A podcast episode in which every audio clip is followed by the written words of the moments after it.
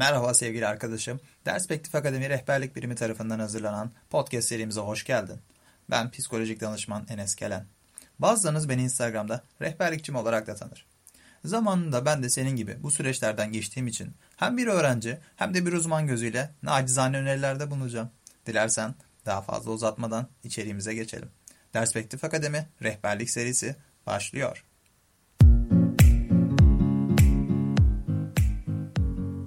Merhaba sevgili arkadaşım. Hepimiz sınavlara hazırlanırken belli başlı notlar tutuyoruz. Hatta bazılarımız sayfalarca notlar tutuyor. Peki sınava girdiğimizde bu aldığımız notların ne kadarını o kağıda yansıtabiliyoruz? Ben söyleyeyim. Çoğunu o kağıda aktaramıyoruz. Çünkü sınav esnasında bu notları hatırlamakta güçlük çekiyoruz. İşte bu bölümde sana etkili bir not tutma tekniğinden bahsedeceğim. Hemen bu tekniğe geçelim. Cornell tekniği 1949 yılında Cornell Üniversitesi öğrencilerinin okuduğunu ve dinlediğini anlama alanlarında başarılarını artırmak için Profesör Walter Polk tarafından geliştirilmiştir.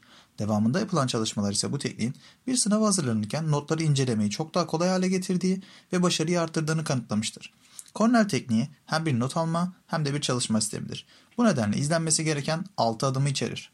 Birinci adım kaydetme. Önemli olduğuna inandığın herhangi bir bilgiyi kayıt etmen gerekir. Bir kitabı okurken veya bir dersi dinlerken kağıdın sağ tarafına yani bir numaralı sütuna önemli gördüğün bilgileri not ediyorsun. Ayrıca bu sütuna cümleleri, paragrafları, grafikleri, şemaları hatta problem çözümlerini de not edebilirsin.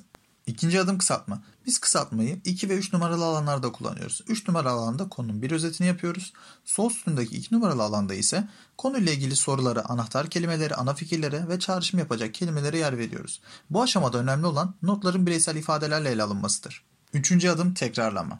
Bu aşamada öncelikle sağ tarafı yani bir numaralı kısmı boş bir kağıtla kapatıyoruz. Ardından sol sütuna yazdığımız her ögeye bakıyoruz. Yani soru yazdıysak o soruyu cevaplıyoruz. Anahtar kelime yazdıysak o kelimeyi tanımlıyoruz ve neden önemli olduğunu belirtiyoruz. Ana fikir yazdıysak bunları açıklıyoruz ve destekleyici ayrıntılar sunuyoruz. Çağrışma yaratacak kelimeler yazdıysak bunları inceliyoruz. Acaba bunlar konuyu hatırlamamıza yardımcı oldu mu? Hepsini yaptıktan sonra bir numaralı sütunu açıyoruz ve kaçırdığımız önemli noktaları mutlaka öğreniyoruz. Dördüncü adım yansıtma.